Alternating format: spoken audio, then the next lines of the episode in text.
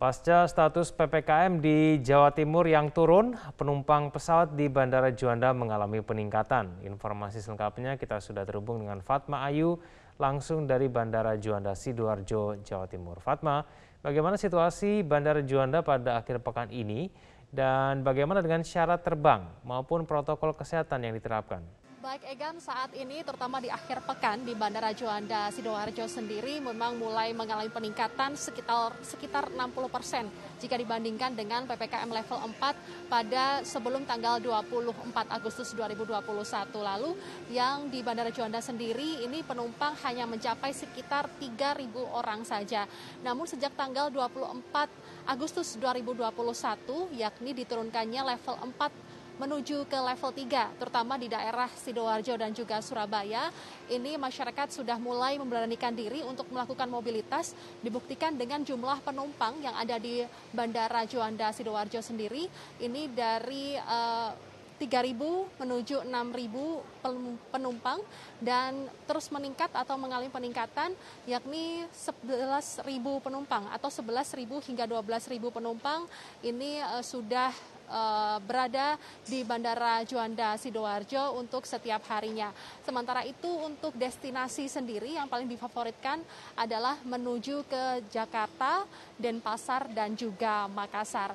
Sementara itu uh, memang menurut dari Humas Angkasa Pura juga menyampaikan bahwa peningkatan ini ada sekitar 60 persen sejak PPKM ini diberlakukan, namun belum maksimal karena pada bulan Februari Maret, April, Mei hingga Juni, jumlah penumpang yang ada di Bandara Juanda Sidoarjo sendiri ini bisa mencapai 28 ribu orang, sementara saat ini uh, hanya mencapai 11 ribu orang saja. Sementara itu untuk syarat terbang sendiri, ini dari uh, menuju atau ke Pulau Jawa dan juga Bali, masyarakat jika sudah vaksin kedua ini bisa menggunakan uh, tes antigen satu kali 24 jam. Namun jika masih uh, vaksin satu kali, maka diharuskan menggunakan tes PCR yang berlaku dua kali 24 jam. Sementara itu untuk yang dari atau ke luar Pulau Jawa di uh, PPKM level 3 dan juga 4 ini masih harus uh, menggunakan tes PCR dua kali 24 jam. Dan untuk protokol kesehatan sendiri ini memang ditetap diterapkan dengan baik oleh pihak penumpang dan juga maskapai maupun bandara sehingga calon penumpang pun merasa nyaman dan juga aman begitu bepergian. Dan berikut kutipan wawancara kami dengan calon penumpang yang ada di Bandara Juanda Sidoarjo. Situasinya, jadi kita memutuskan untuk pulang sebentar, habis itu nanti balik lagi ke sini. Khawatir nggak untuk bepergian lagi? Sebenarnya ada rasa khawatir, cuman kita sudah mematuhi protokol kesehatan, jadi saya rasa bakal aman-aman aja karena bandar udara ini kan juga protokolnya ketat ya. Pemirsa, rencananya pekan perdana Liga 1 2021 kali ini akan menggelar pertandingan antara PSIS Semarang melawan Persela Lamongan.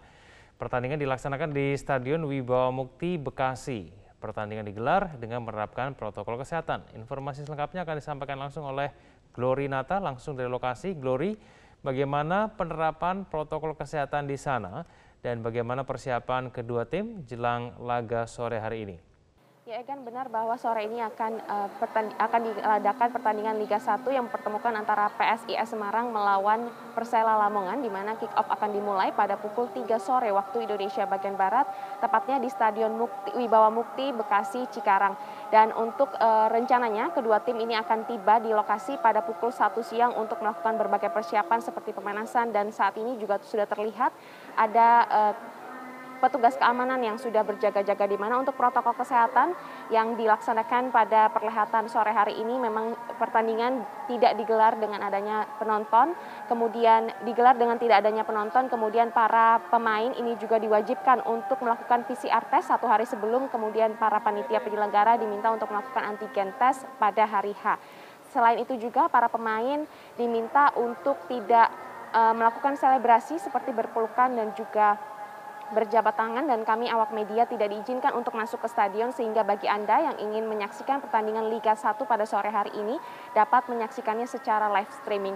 Sementara itu untuk persiapan yang dilakukan kedua tim saat ini memang sudah uh, dilakukan secara matang uh, seperti berlatih dan seperti yang kita ketahui berlatih di tengah pandemi COVID-19 ini tidaklah mudah bagi kedua tim. Sementara itu untuk PSIS Semarang sendiri saat ini sudah tidak lagi dilatih atau dipegang oleh Dragan Dukanovic melainkan sudah diganti oleh asisten pelatih yaitu Imron Imran Nahumaruri. Dan di laga pertama dari eh, PSIS Semarang pihaknya membawa sekitar 23 orang pemain. Dan tiga di antaranya ini merupakan pemain asing yakni ada Wales Costa, kemudian Jonathan Cantilana dan juga Bruno Silva.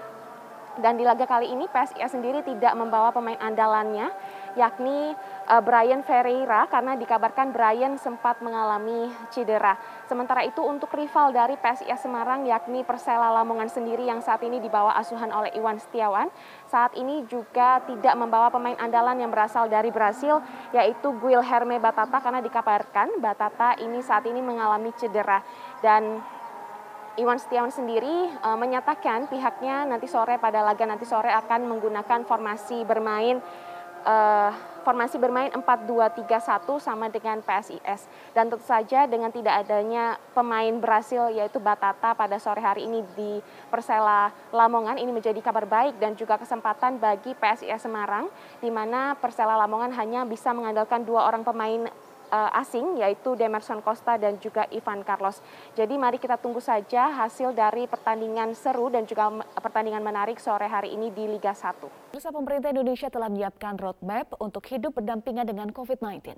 Langkah ini sebagai upaya untuk mengubah status pandemi menjadi endemi. Untuk membahasnya selengkapnya kita sudah terhubung dengan epidemiolog UI Triunis Miko. Selamat siang Pak Miko. Selamat siang Mbak. Ya, Pak Miko, pemerintah dalam hal ini Kementerian Kesehatan telah menyiapkan roadmap hidup berdampingan dengan COVID-19. Setidaknya ada enam sektor prioritas. Nah, apakah roadmap ini ideal untuk bisa perlahan kita hidup dengan COVID-19? Uh, eh, hidup berdampingan dengan COVID bukan hidup berdampingan dengan wabah COVID. Ya, jadi hmm. kalau wabah uh, di kabupaten atau di kota atau di provinsi atau di negara Indonesia itu kita nggak bilu nggak boleh hidup berdampingan eh, dengan eh, wabah COVID. Kita bisa hidup berdampingan dengan COVID asal gitu. Ada enam kriteria uh, yang uh, diminta dari WHO yaitu uh, hidup new normal dengan COVID. Hidup new normal dengan COVID, syarat yang pertama adalah kasus COVID-nya sudah terkendali atau terkontrol. Jadi yeah. terkontrol itu sudah menjadi endemis di negara atau di kabupaten atau di provinsi atau di negara uh, Indonesia. Ya, itu hmm. yang pertama. Yang kedua, uh, sistem pelayanan atau sistem surveillance sudah uh, mapan begitu atau sudah establis. Jadi semua itu harus dilakukan standarisasi, baik itu standarisasi uh, tesnya, standarisasi uh, kontak tracingnya dan standarisasi pelayanannya. Ya, jadi kita boleh hidup berdampingan dengan COVID kalau sudah ada standarisasi tiga hal tersebut begitu atau sistem hmm. pelayanan uh, COVID dan sudah establis. Yang ketiga, uh, kita dapat mendeteksi kalau ada lonjakan lagi. Ya, jadi ya. kalau uh, surveillance kita sudah mampu establis dan bisa menangkap lonjakan, maka uh, lonjakan itu uh, harus ya, gampang terdeteksi dan hmm. kita bisa mengantisipasinya dengan baik, baik itu di kabupaten, kota, dan provinsi atau di negara kita. Dan okay. keempat kita bisa mengidentifikasi kasus import itu import dari Jakarta import ke kabupaten atau provinsi lain, import dari uh, kabupaten tertentu ke kabupaten yang lain. Itu harus hmm. bisa dideteksi begitu. Artinya serogenotyping berjalan masih. Uh, yang keempat, yang kelima artinya semua uh, sektor sudah siap dengan protokolnya. Jadi detail ya. baik itu protokol di kantor, kemudian protokol di, di perjalanan, kemudian juga protokol di mana pun di semua sektor. Jadi kita hmm. harus sudah siap. Yang keenam adalah uh, kita hidup uh, atau uh, bergabung atau uh, partisipasi masyarakatnya sudah uh, menyatu dengan pemerintah. Tadi Baik. sekarang kan masyarakat kita belum menyatu dengan pemerintah. Jadi uh, harusnya masyarakat kita menyatu dengan uh, pemerintah kita. Jadi kalau ada lonjakan ya siap-siap masyarakatnya berubah begitu. Kalau tidak cepat berubah ya kasusnya semakin banyak begitu, Mbak. Baik. Baik, kita hidup berdampingan dengan COVID-19 jika statusnya bisa menjadi endemi. Nah, dunia juga sudah berpengalaman menjadikan status pandemi menjadi endemi. Nah, apa saja yang menjadi perhitungan yang harus dilakukan dalam menentukan status ini?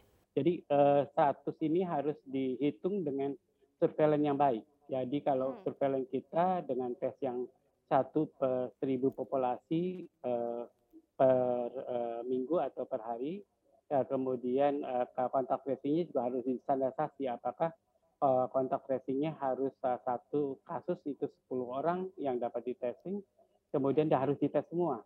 Jadi uh, kita bisa memastikan bahwa data surveillance kita tidak ada uh, kasus yang tidak terdeteksi kemampuan deteksi kita sangat baik jadi kalau menurut saya kemampuan deteksi semua kabupaten itu amat berbeda-beda jadi itu harus disamakan. Kalau paling tidak distandarisasi, eh, kemudian kita baru bisa menentukan kapan.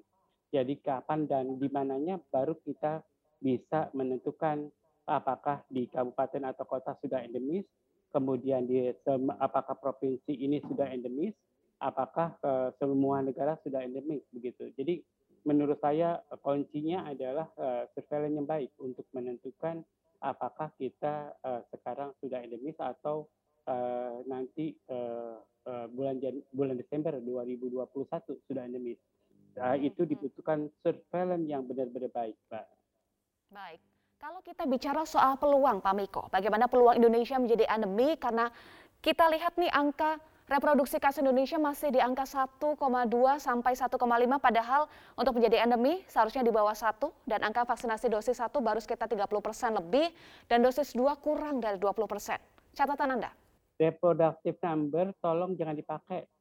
Kalau hmm. begitu kita salah.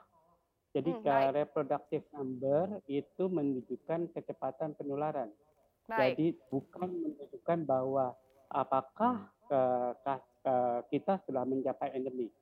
Jadi hmm. endemik hmm. kita uh, amat ditentukan uh, dengan jumlah kasus yang ditentukan oleh kabupaten, kota, provinsi, dan uh, negara.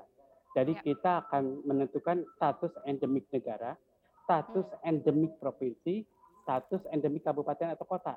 Jadi itu harus ditentukan oleh ya. ahli-ahlinya begitu. Jadi tidak uh, kemudian semua mencapai R0 jadi uh, dalam uh, websitenya R0 baru bisa ditentukan kalau kurang dari 0,3 begitu hmm. status endemisi, bukan kurang dari satu begitu.